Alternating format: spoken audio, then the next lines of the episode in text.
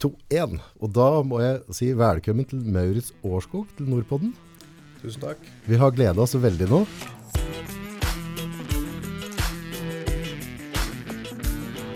Ja, det er gjensidig. Ja, Så bra. Nå har vi, nå har vi liksom eh, en, eh, en advokat her som vi kan drive og stille deg spørsmål til. Eh, Så dette her blir en liten sånn spalte i Nordpodden. Spør Maurits. Ja, takk.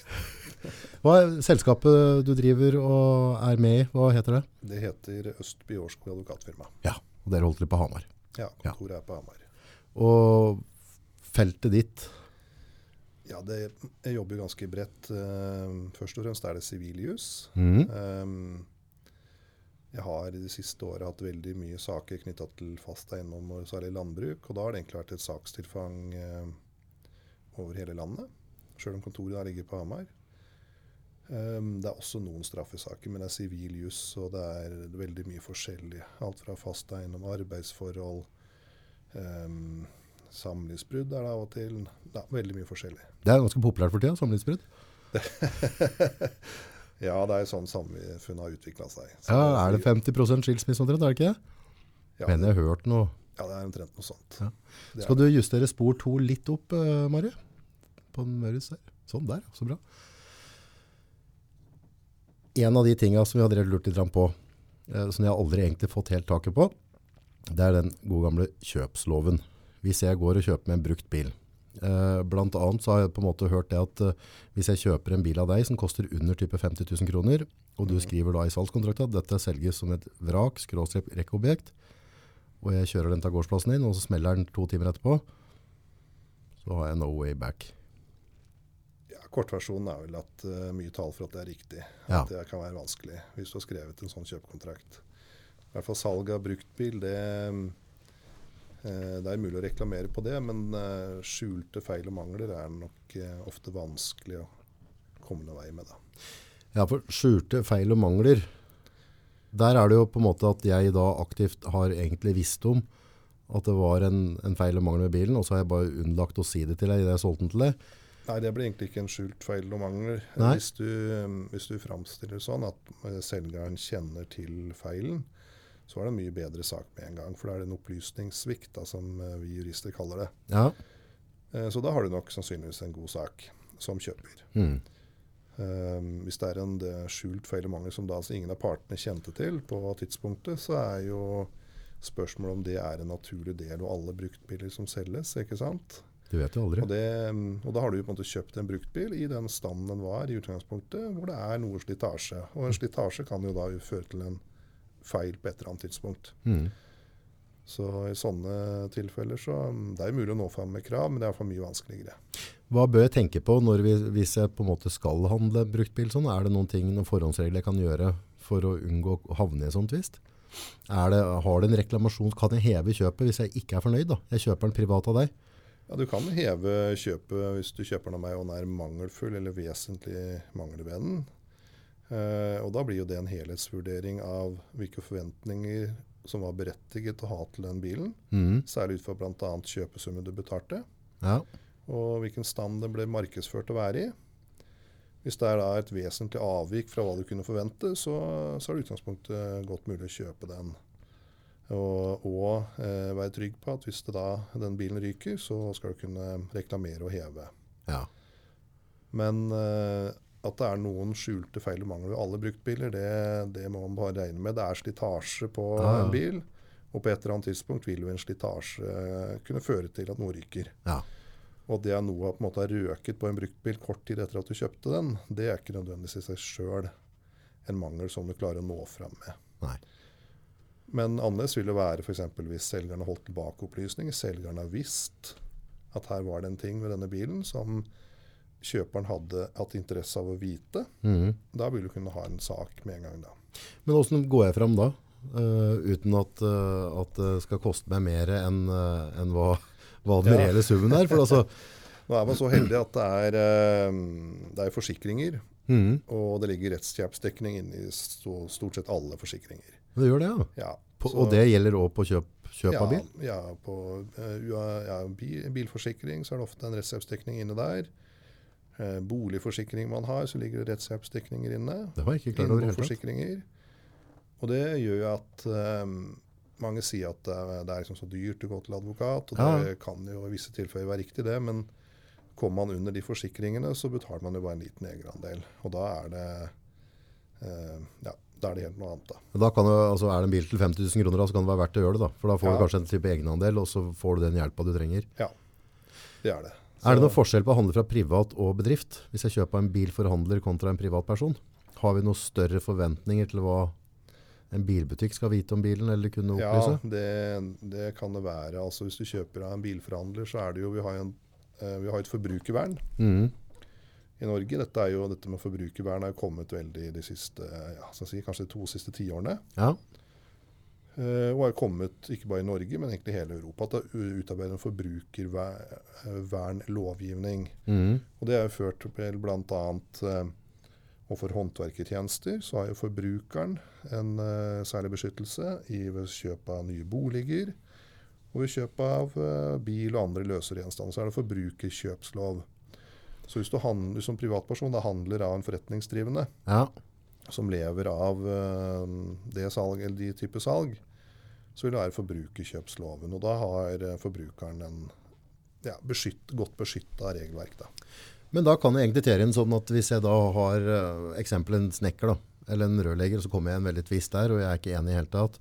Uh, føler at her, uh, alle har hørt om den. Uh, du fikk et overslag på ca. 10 000 kroner, og så kom regninga, så var den på 35-40. Så har det vært noe dårlig kommunikasjon underveis mellom håndverker og kjøper.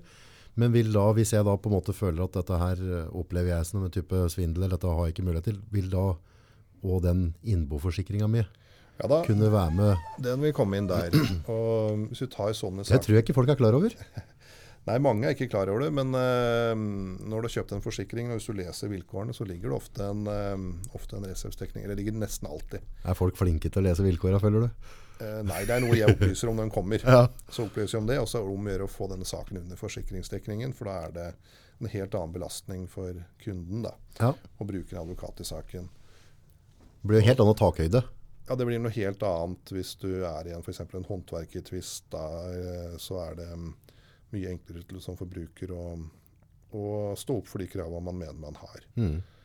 Og da, Det typiske som du nevnte, dette er med sånn prisoverslag og sånn. Og da er det jo Har man jo på en måte tre ulike kategorier. da, Som håndverkerne kan jo ofte dette, er i hvert fall de som har holdt på en stund.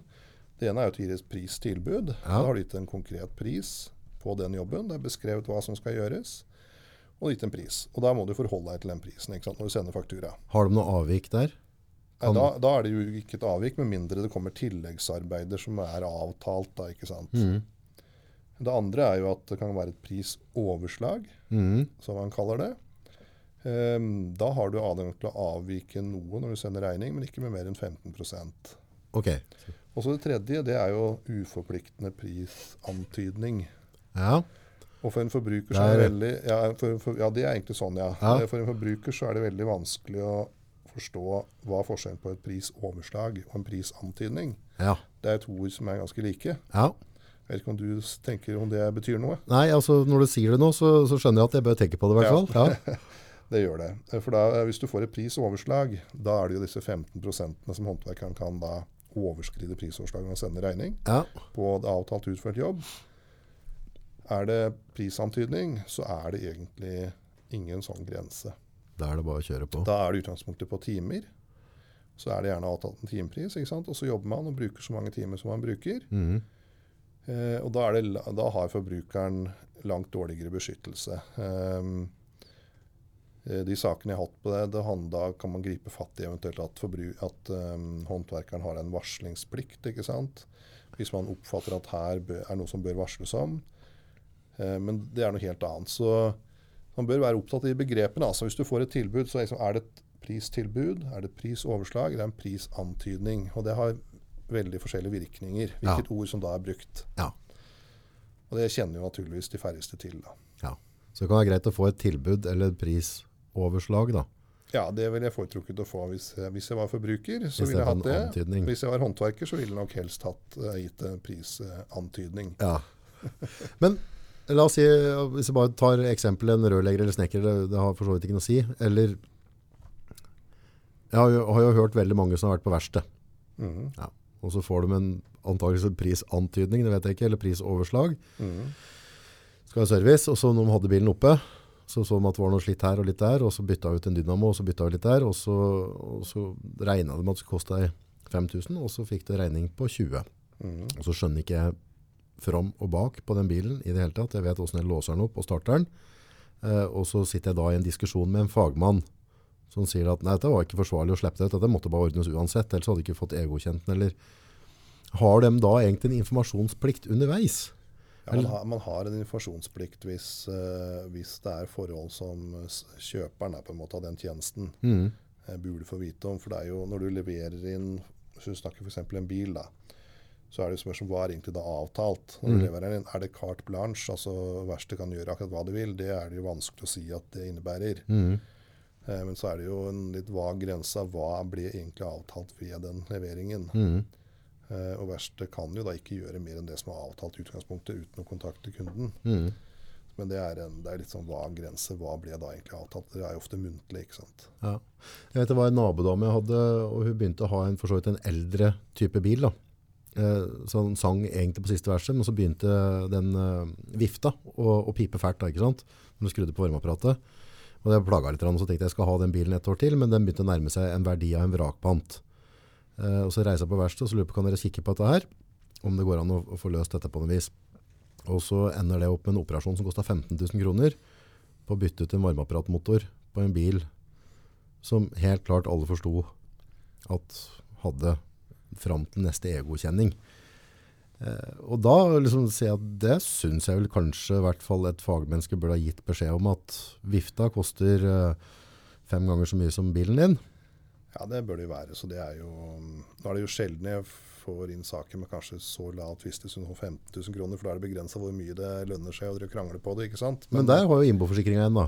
Ja, der har du innboforsikringa. Så sånne ting kan jo komme inn da. Da er det jo egenandel på 3000-4000 kroner. Ja. Og så er det som regel 20% av det overskytende. Ja. Så hvis du da bruker 20 000 på en advokat, så er det da først 3000-4000 kroner i bånn, som Mm. er egenandelen, Mm. og så 20% av resterende oppover deg. ikke sant? Mm.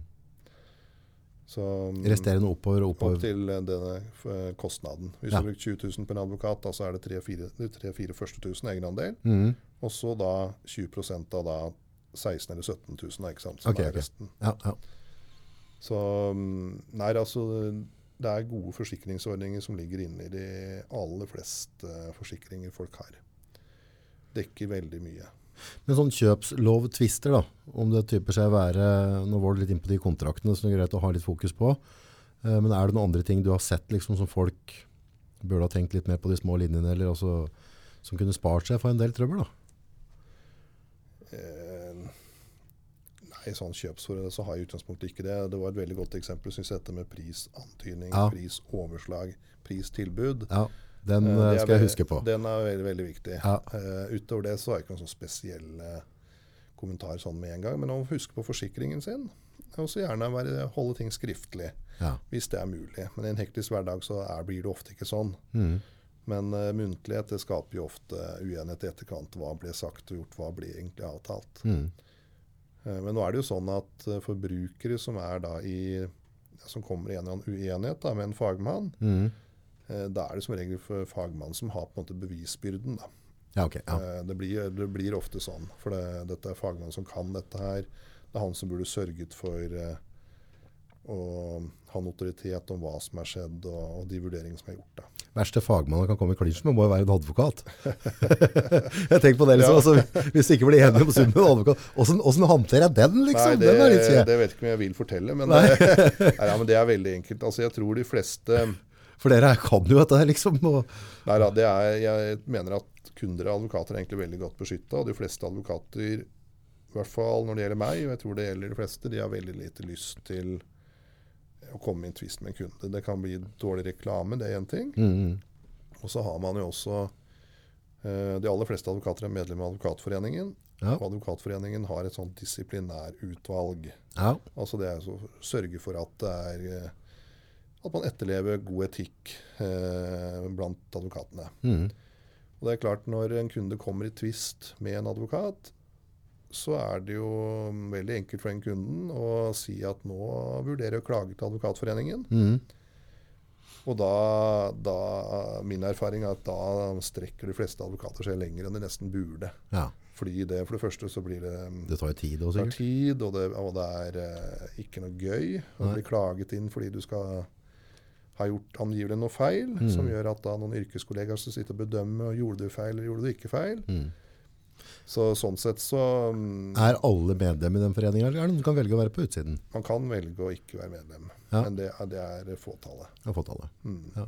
Så det kan være et sånn type kvalitetsstempel å, å sjekke for, da.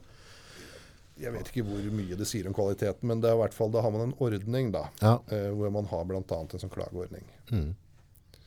Så um, noe mer kvalitetsstempel vet ikke om jeg vil si at det nødvendigvis er. altså. Men det, det er jo nesten alle er med. Mm. Nesten alle er med. Kontraktskriving generelt, om du kjøper en båt eller om du skal kjøpe en tjeneste, eller altså jeg skal kjøpe et eller annet fra en privatperson, er det veldig viktig å prøve å, å fylle den grundig ut? Eller vil på en måte loven tre inn uansett? Loven trer inn eh, uansett, så, så den har jo sine bestemmelser. Men hvis det er noe som består i kontrakten, så er det jo mer sånne helt eh, ja, Typisk hva slags stand den var i og sånn. Mm. Um, eller er, har reklamert å være i. For det, Hvis du da har kjøpt f.eks. en båt, da, og så etter å ha brukt den en stund, så mener du at denne båten den var jo egentlig ikke helt sånn som jeg hadde forventa, Mm. så er jo spørsmålet hva kunne du egentlig forvente? Ja. Uh, og det er på en måte den differansen mellom hva som det var faktisk naturlig å forvente av den båten. Men det vil være veldig forskjell fra lommeboka til personen. For, for, for meg da, så kan den båten være liksom 50 000. Det kan liksom være det største jeg har kjøpt i hele mitt liv. Ja, men Og har kjempeforventninger, og så kan den selgeren tenke på at ja, med 50 000, altså, det- skal koste en halv million for en båt. Dette. Du kan ikke forvente noe for 50. ja, men da har nok eh, oftest kanskje selgeren rett. Da, for det er jo kjøpesummen sier noe om hva du kan forvente. Ja, Og du ser jo, du ser jo altså, altså kjøpesum og hvordan det er markedsført, det sier noe om hva du kan forvente. ja. Um, Kan være idé å printe ut kjøpsannonsen, kanskje? ja, det er, det er ofte et bevis i sånne saker. Hvordan ble dette markedsført? Mm, Ble det gitt opplysninger om forhold som det kanskje burde ha blitt opplysninger om? mm. Ble det ikke? Um, ja, det er, men ellers er det nok ikke så mye Veldig mange forhold så gjøres dette muntlig ikke sant? når du Mm. kjøper sånne ting. Hvis, uh, en bruker bare båt som eksempel. Jeg kjøper en båt, og så angrer jeg meg veldig etterpå. Den passa ikke i hele tatt. Jeg vet på Elkjøp så har det 50 dagers bytterett. Ja, det er nok ikke så enkelt når du kjøper en uh, båt sånn. Nei. Um, For der er det nok mange, jeg har i hvert fall hørt om mange som har kjøpt, og så har de funnet ut at dette, nei, jeg vil heve kjøpet, eller et eller annet. det er nok eh, Det er mulig at selgeren går med på noe sånt, men det har du i utgangspunktet ikke krav på. da. Du har ikke krav på det Nei, Man har jo en angrerettslov, det er sikkert det du har hørt om. Ja, Men den gjelder i utgangspunktet da for oppsøkende virksomhet. Altså Hvis selgeren oppsøker deg for å selge, så kan du ha en angrerett på så lang tid. Ah. Men når du da går til selgerens faste forhandlingssted for å se på noe og bestemmer deg nå kjøper jeg det, du betaler det, du tar det med deg, ja, så har du som utgangspunkt ingen angrerett. Da er det mer at eh, du kan reklamere hvis det er noe galt. ja. Uh, eller det er en mangel ved det, så kan du reklamere. Eh, men det kan jo være dette med elkjøp, det var faktisk ikke jeg klar over. Men da må det være at de har en ordning da, ja, jeg tror de har det. eh, som sier at hos oss så gjelder dette. Ja. Men eh, det følger ikke av noe lovverk. da, At ja. du bare kan levere tilbake en datamaskin etter så og så mange dager. Det var faktisk komisk, det, skulle, det ene kameraet som står og peker på meg der. eh, og så var jeg litt usikker på om jeg ville ha Panasonic eller Sony. Og så hadde de, de hadde det på lager, men hadde ikke butikken. Så jeg fikk ikke lov til å se på kamera. Eh, For da hvis du åpnet opp da kartongen, så ble det da en B-vare. Mm. Og så sier jeg, men jeg vil jo gjerne bare få lov til å holde i det og se det, liksom. Sånn bare hvordan, det- ser ut, på en måte. Ja, men det er derfor vi har den, der, øh, den regelen, og at du kan bytte hvis du ikke er fornøyd. Mm. Så jeg endte med å kjøpte begge to. Oh, ja, ja. Og så åpnet jeg den på disken, så fant du hvem du ville ha, så leverte det andre på direkten. så fikk jeg pengene tilbake om en uke etterpå. ja, men, ja, ja. Så liksom sånn, for, det, for meg så er det liksom greit, å, jeg ønsker å se det på en måte, ikke bare fra boksen, da, Ja. i forhold til åssen du kobler ut på stativer og mikrofoninnganger og sånne ting. ja. Det er vesentlig. Men det er veldig fin, eh, fin service å ha. Da. det er det. Men det må nok være noen særordning da, med Elkjøp, annet, som du nevnte. da. Mm, mm. Det er det. Noen andre ting, altså det, det, det med oppsøkende, det er på en måte veldig interessant å vite i forhold til det med, med det er jo en sånn, litt samme med de kontraktene du prater på en måte. Mhm. Eh, Det er jo en sånn en huske, huskesak. Ja, det kan du huske at hvis du har på en måte blitt oppsøkt av en selger sånn, så kan du ha en angrerett i visse tilfeller. da. Mm, Um, og det er naturlig også, for da er det på en måte selger som går på deg og skal selge. ja, Det er noe helt annet når du bestemmer deg nå skal jeg gå til en eller annen forhandler av noe, ja. og så ser du på varen, og så bestemmer du deg, kjøper, tar den med. Mm. Så det syns jeg er et naturlig skille, da. Ja, ja. Andre ting er så, da har det vært en del avskriving rundt. Det med, er det allmannaretten, altså strandretter og den biten der. Du har jo drevet litt med eiendom og sånne ting. Ja da. Det, Hva, hva, er, hva er greia der? ja, man har jo en uh, allemannsrett i utgangspunktet. Uh, det vil si at du har en ferdselsrett, Ja. i fjellet. Ehm, så det er jo altså en grunneier Det er jo sånn uh, i Norge, og sånn er det vel i stort sett de fleste, i hvert fall vestlige land, at en grunneier har jo ikke en eksklusiv enerett til sin eiendom. Nei, det gjelder i Kongsveien nå på en måte. Det Nei, altså sånn er det nok ikke. Altså. Men Nei. en, en um, allemannsrett er typisk sånn eh, strandeiendommer. Så er jo ofte en ferdselsrett. ikke sant? Man går langs stranda Mm. eh, på fjellet. Ehm, Men det må være en grense der. Jeg kan ikke slå opp teltet i hagen din, altså hvis du har en hytte nede. nei, ikke i hagen. Det, da er det liksom på en innmark, da. Ja, Uh, men hvis du tenker eh, langs stranda her, f.eks., så Ja. er det jo ferdselsrett. ja. At man kan gå langs eh, stranda. Mm. For, eh, for alle. Og Da kan utgangspunktet oppholde seg langs med stranda òg. Hvis den skal være vanskelig. Ja, ja da, det kan man. Ja, men du har i hvert fall en ferdselsrett. Ja. Eh, Du kan jo ikke liksom bosette deg der, ikke sant? men du, du har en ferdselsrett. Det er veldig irriterende for dem som på en måte har kjøpt seg en strandtomt og kanskje betalt veldig mye, og så finner liksom en hel gjeng ut at dette skal bli min Ja, turgreie, og så kommer gående med bikkja, og så skiter den litt i hagen din. Og så, det vil jo, Ja, Nå gjelder det gjelder ikke det inne i hagen, altså. Nei, men noen har jo hagen nesten helt ned, da. Ja. Ja, nei, det er jo, dette er jo noe som kan gi tvister, det der, og uenigheter om hva, hva har man rett til. Liksom, hvor går grensen for grunneiendomsretten din? Det er Mm. du som eier det. Hva er det du må tåle av inngrep? ikke sant? Mm. Det, det kan være inngrep fra det offentlige. Eh, planreguleringer osv. Og, så og ekspropriasjoner og forskjellig. Mm. Og det kan inngrep da fra andre private, typisk gjennom allemannsrett. da. Mm. Så, nei, så det blir jo noen tvister ut av, ut av sånt. da. Der igjen så er vi inne på et annet tema igjen. Hvis du tenker på inngrep fra det offentlige, altså type veibygninger, eh, nye industriområder og sånne ting. Eh, hvis noen på en måte kjøper seg et hus, eller noe, er det noe de bør tenke på og sjekke ut før de bosetter? Altså er det, har du noen I forhold til inngrep fra offentlig. At du plutselig får ja, du, Vi går og kjøper oss en ålreit tomt nå, og så går det tre år, og så Nei, her skal det være opp et industriområde, liksom. Ja, så da bør du kanskje, av. Hvis det skal være en tips der, så bør du kanskje sjekke reguleringsplaner og sånn, eh, arealplaner i kommunen for det området først. da. Ja. Der finner du mye informasjon. Men i utgangspunktet så, så noe mer tips enn det kan jeg ikke se at det Men da kan du bare altså. møte opp i kommunen og spørre om om å se hva som er regulert innenfor området. For det, før sånne tiltak da, så vil jo alltid ha kommunen ha en planbehandling. ikke sant? Ja. De behandler og godkjenner tiltak. Og det er en god del år før det skjer òg, eller? Det er jo gjerne det. Ja. Så typisk eh, Ja, det er det. Så, mm, så det er jo Det kan man jo sjekke. Um, ellers så er jo ikke det så enkelt å gjøre noe med. altså Ekspropriasjon det er på en måte en del av samfunnet. altså Samfunnsinteresser de skal liksom gå foran Mm. den enkeltes uh, særinteresse, da, som hovedregel. Mm. Uh, så det får du ikke stoppa i de fleste tilfeller. da. Nei.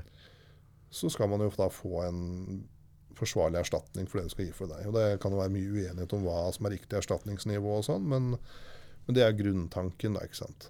Men der òg er det jo Igjen, jeg er helt feil, men jeg har inntrykk av at der òg var det litt på god du er til å forhandle med utbygger òg. Ja, I forhold til ekspropriasjon eller i forhold til frivillig salg. Altså det er jo altså I forhold til en utbygger så er det jo Én ting er jo at du kan frivillig selge en eiendom. Mm. Da er det jo bare du, hvordan du forhandler. ikke sant? Mm. Eller hva markedet kan være villig til å betale. Men hvis det faktisk er noen som går inn og får en ekspropriasjon, altså får du blir pålagt å se, gi fra deg eiendommen mot, ja. mot et vederlag, Ja. eh, så er det ikke nødvendig så mye eh, forhandlinger. Noe kan det være, men da Kan det være ekstra vanskelig bare forsinke hele prosessen som gjør at de bare kjøper deg litt ut, kanskje? Eh, ja, det er mange som tenker sånn at de skal gjøre seg så vanskelig som mulig, men eh, mitt inntrykk er at det Hvor mye det hjelper, det stiller jeg litt spørsmål ved. Altså. Det, er, det er regler for den erstatningsfastsettelsen, og da er det sånn at eh, ofte så finner man jo fram til en nivå gjennom avtaler. Mm. Og da er det jo et standardisert nivå veldig ofte.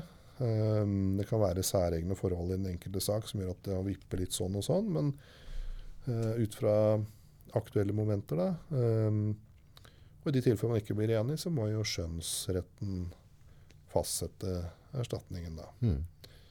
Uh, og det er ikke sikkert, det er ikke alle tilfeller det gir noe mer erstatning enn en frivillig avtale i forkant, da. Det ja. Ja. Og det går jo noe tid og styr der òg. ja. Så det er jo noe med å finne ut når den skal gi seg. Altså Det er ikke alle kamper vi får vunnet. Nei, sånn er det. Så, nei, inngrep eh, fra det offentlige, det må man eh, bare tåle enten man ikke vil eller ikke, til en viss grad. Da. Ja, der slipper vi ikke. Ja. Juss og jurister. Det var en ting som slo meg her før du kom inn. Sånn, det er jo for at vi skal sørge for at vi har en rettssikkerhet. At jeg på en måte kan, altså Du kan være min forsvarer mot eventuelt stat, da, eller øh, hva det nå skal være.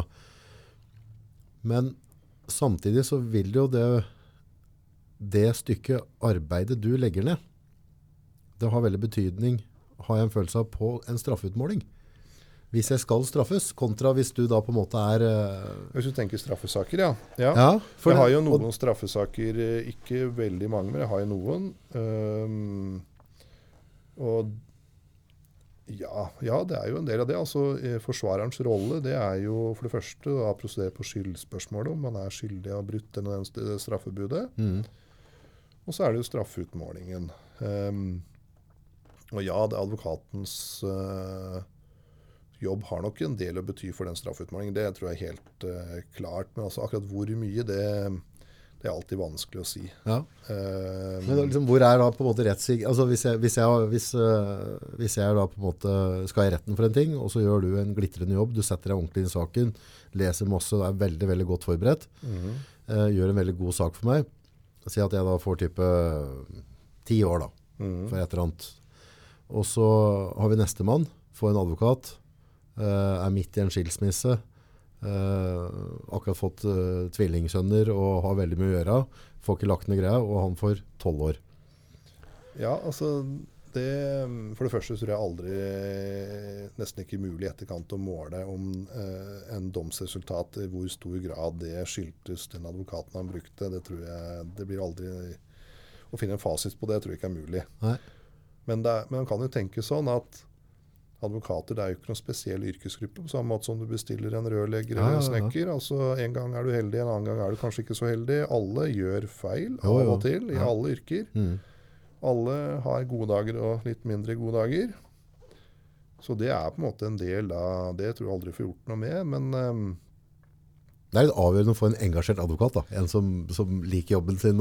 Ja, jeg tror, jeg tror det er en balanse mellom eh, og Man bør ha en viss erfaring, samtidig med at du må ikke på mitt måte matlei. Du bør ha en advokat som er liksom på hugget, Ja. men samtidig forhåpentligvis har en viss erfaring å flyte på. Da. Mm. Det tror jeg er, det, hvis jeg skal gi noe råd, kan være klokt. da. og så når du snakker straffesaker, da. Det er det jo veldig mange som, eh, som har stilt spørsmål Altså hvis du eh, blir utnevnt som forsvarer, eller, eh, og du tar på deg en sak, og så Mhm. finner du ut at han August er en skikkelig douchebag. Altså han er et komplett svin.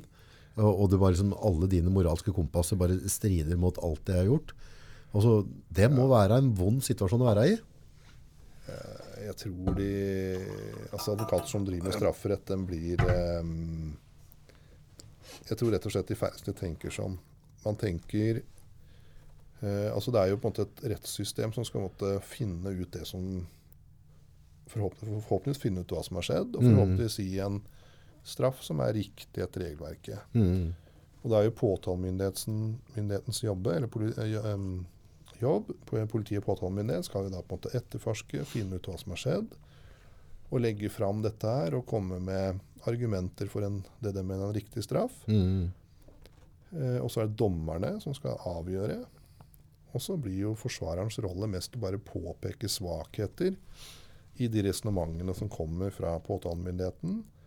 Og komme med rettslige argumenter for en um, lavest mulig straff, eller for at det så tvil. Mm. Um, så jeg tror de fleste forsvarere de, de tenker dette er en jobb. Altså dems jobb det er å trekke fram de momentene som taler for at tiltalte enten ikke skal dømmes, eller få en lavest mulig straff. Mm. Uavhengig av hva de tenker og mener om den tiltalte. Du ser jo med han, sånn må det eh, være. ser med han eh, Der er det sånn veldig mye sånn på Facebook og nett generelt med han Mulla Krekar. Ja. Krekar altså, eh, jeg har ikke satt meg inn i saken i hele tatt, så jeg vet liksom ikke noe annet enn bare det, det, det oppgulpet som kommer på sosiale medier. Men å være forsvareren hans, da. Jeg vil jo tro at han, det er mange som på en måte nærmest misliker han, for de begynner å bli veldig lei saken. Ja. Og det forstår man jo godt. Den har jo pågått i ja, veldig veldig mange år. Ja, for, hvor, hvorfor Men- blir ikke den saken ferdig noen gang? Ja, det er nesten for komplekst å forklare alt nå, men det er eh, Jeg fatter ikke at det er altså, mange år er det? Ti? Ja, i hvert fall. Jeg tror kanskje det er mer òg. Men hvis du tenker igjen på den forsvarerens rolle, Ja, så for en jeg jobb. at han eh, Jeg tror ikke han nødvendigvis tar det som en byrde. Altså Han tenker at han skal gjøre et faglig stykke arbeid. Ja. Han skal på en måte påpeke de svakheter som er, kommer fra andre siden. Han skal trekke fram de momenter som taler for hans klient, egentlig uavhengig av eh, alt. Uh, Han må jo tydeligvis ha gjort en ganske grei jobb da, så lenge de har drevet på så mange år. Han, kan jo, altså, han gir seg ikke så veldig lett av den kroppen, da, tydeligvis. Nei, det ser jo ikke sånn ut. eh, Men det er veldig mye spesielt i den saken. Både Var det hele saken begynte med, egentlig? Vet du det?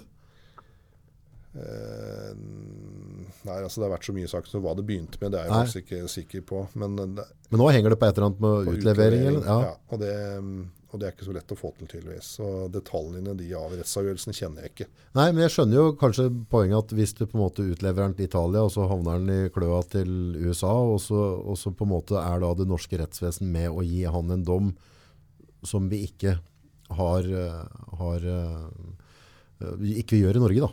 At Mhm. på en måte det med å, å utlevere den, altså kanskje han da havner i, i ordentlig rævsaksa med amerikanere, Mm. og så blir den norske rettssekten litt skyldig i det kanskje, eller?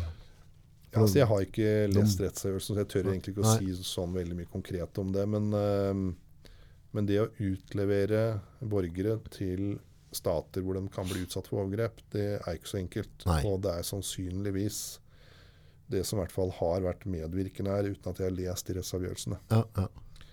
Um, og så opplever man at kanskje befolkningen blir veldig lei dette her og øh, mister kanskje litt tillit til rettssystemet. De skjønner hvorfor får man ikke gjennomført det man har sagt man skal gjøre. ja. Der har jo politikere Eh. slengt på leppa også, så det har, det har jo vært mye sleng her da.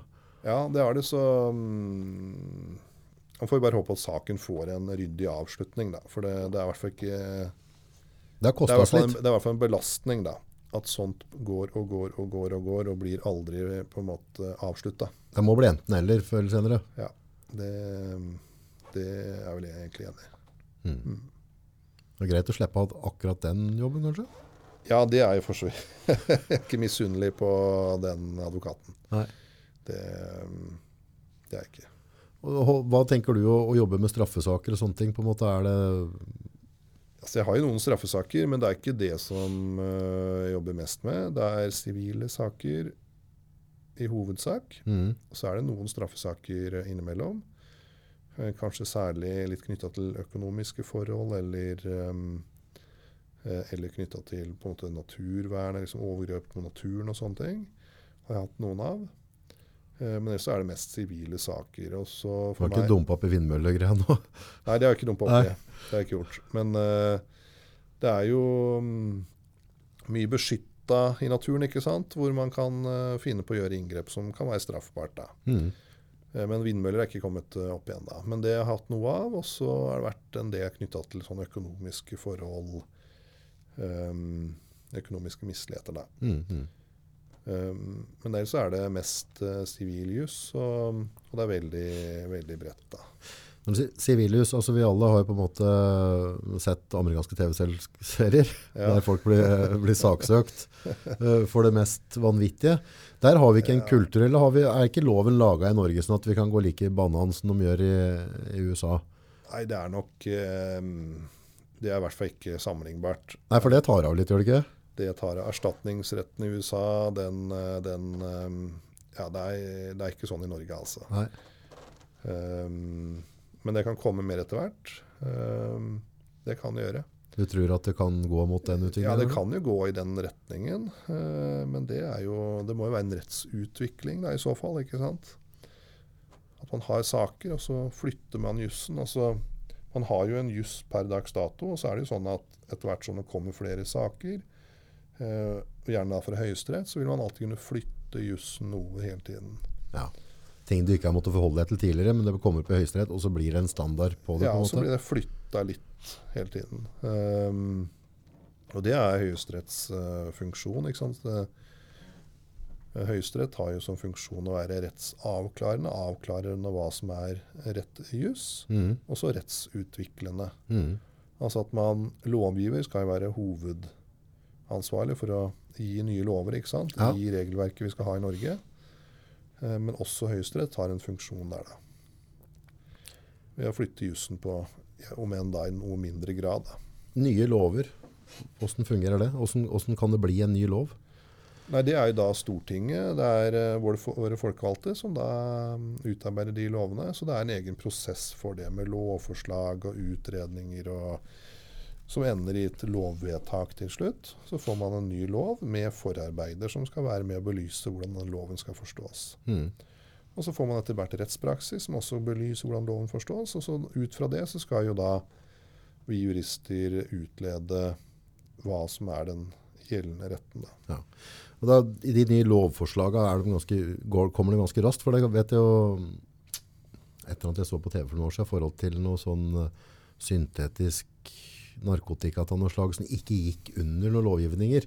En sånn, et eller annet sånn Mariana-aktig eller et eller annet som du kunne bestille over nett, men per dags dato så var ikke det i lovgivning i Norge. Ja, Og da ja. fikk de litt travelt med også å få på plass. Ja, det kan jo Den bør ikke nødvendigvis ta veldig lang tid, men eh, sånn, hvis du snakker generelt, Mm. så tar en prosess Det går over en del tid. Det er ikke noe som man liksom gjør i løpet av et par måneder. Nei, det er ikke et kvartals arbeid. Nei, det, det er lovforslag, og så skal det utredes, og så kommer det merknader. Um, og så kommer det til slutt et endelig lovforslag, ikke sant? så blir det vedtatt i Stortinget. Ja. Så, og det tror jeg i utgangspunktet er klokt i de fleste tilfeller. At det er gjennomtenkte prosesser som, uh, som utvikler lovverket. Da. Mm. Ja, for det vet jeg her, vi, vi satt og googlet her i forhold til det med moped å kjøre to på. Så, så var det 2013 mai et eller annet, så hadde de laget et nytt forslag, eller altså forandret på loven der. For før det så kunne du kjøre med unger på under ti år på en moped, hvis du var voksen. Eh, og så måtte de gjøre om den, da, for det var en eller annen sånn EOS-lov eller et eller annet? Så da begynte det at da kan du på en måte egentlig kaste sønnen din så lenge han da er under ti år på salen foran hos deg, og kjøre av gårde da. Da hadde de fått slengt seg rundt, altså gjort om den veitrafikkloven der da. Ja, at uh, Man kan jo sikkert jobbe fortere hvis det er prekært behov, men i Mm. utgangspunktet tar det tid.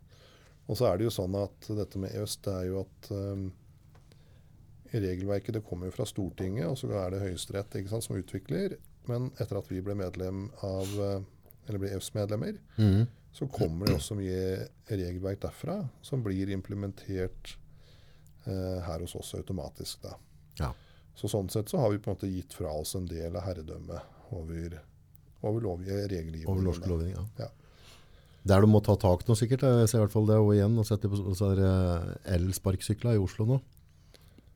Det Ja. driver, for nå har du en sånn type app nå, så det, står jo sånne elsykler, så du kan bare leie, og så bare skyter av gårde. Eh, og per i dag så er det ikke ulovlig å kjøre fylla med den.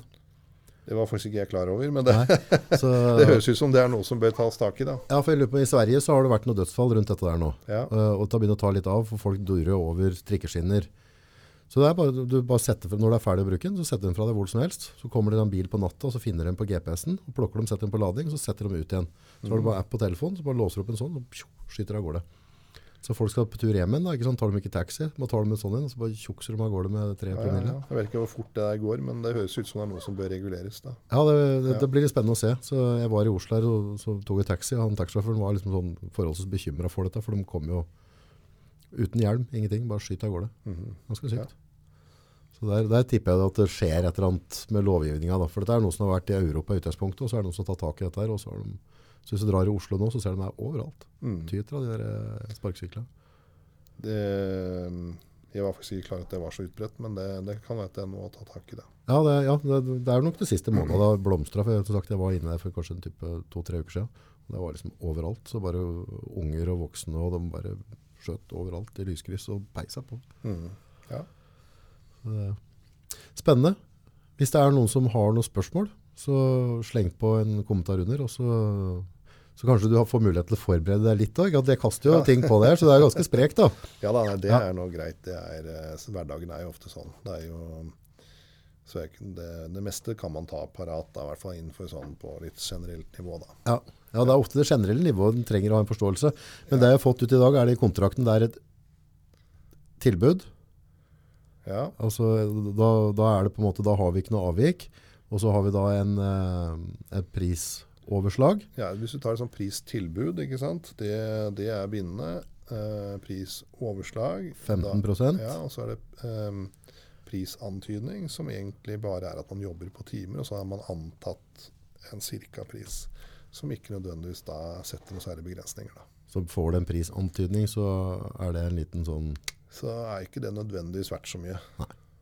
Og, og oppheving av et kjøp eller angrefrist, da er det i hovedsak hvis jeg Hvis du blir oppsøkt Ja. uh, av en selger. Ja. ehm, men hvis du reiser til selgerens faste forretningssted, så, så er det ikke så lett å komme og si at du angrer etterpå. Mm. Det er det ikke. Strømmåleren er ikke så lett å komme med konklusjon i dag. Det får vi vente og se eh, i september, kanskje. Ja, det, I september er det i hvert fall en rettsavgjørelse fra tingretten.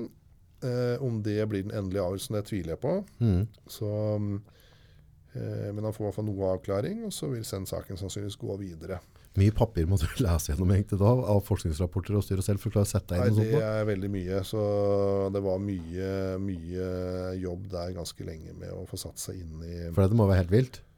Ja, i hvert fall når man kommer utenfra og ikke um, har på en måte vært så kjent med problemstillingen. Mm. Um, så, men det, det har vært gøy, det. Mm. Og så er det jo litt med det, hvem er det som har gjort forskningen? Hvem er de, hvem er de founda av?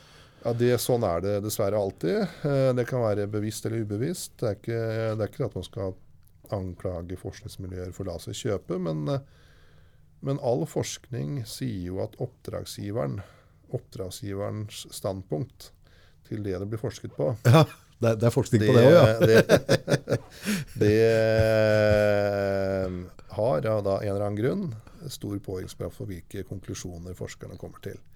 Høres Det, fornuftig ut. det, eh, det er det òg mye forskning på. Så, um, nei, så det, det, er, det, er, det, er nytt, det er et ganske nytt uh, tema da, som er inn i tiden. Mm.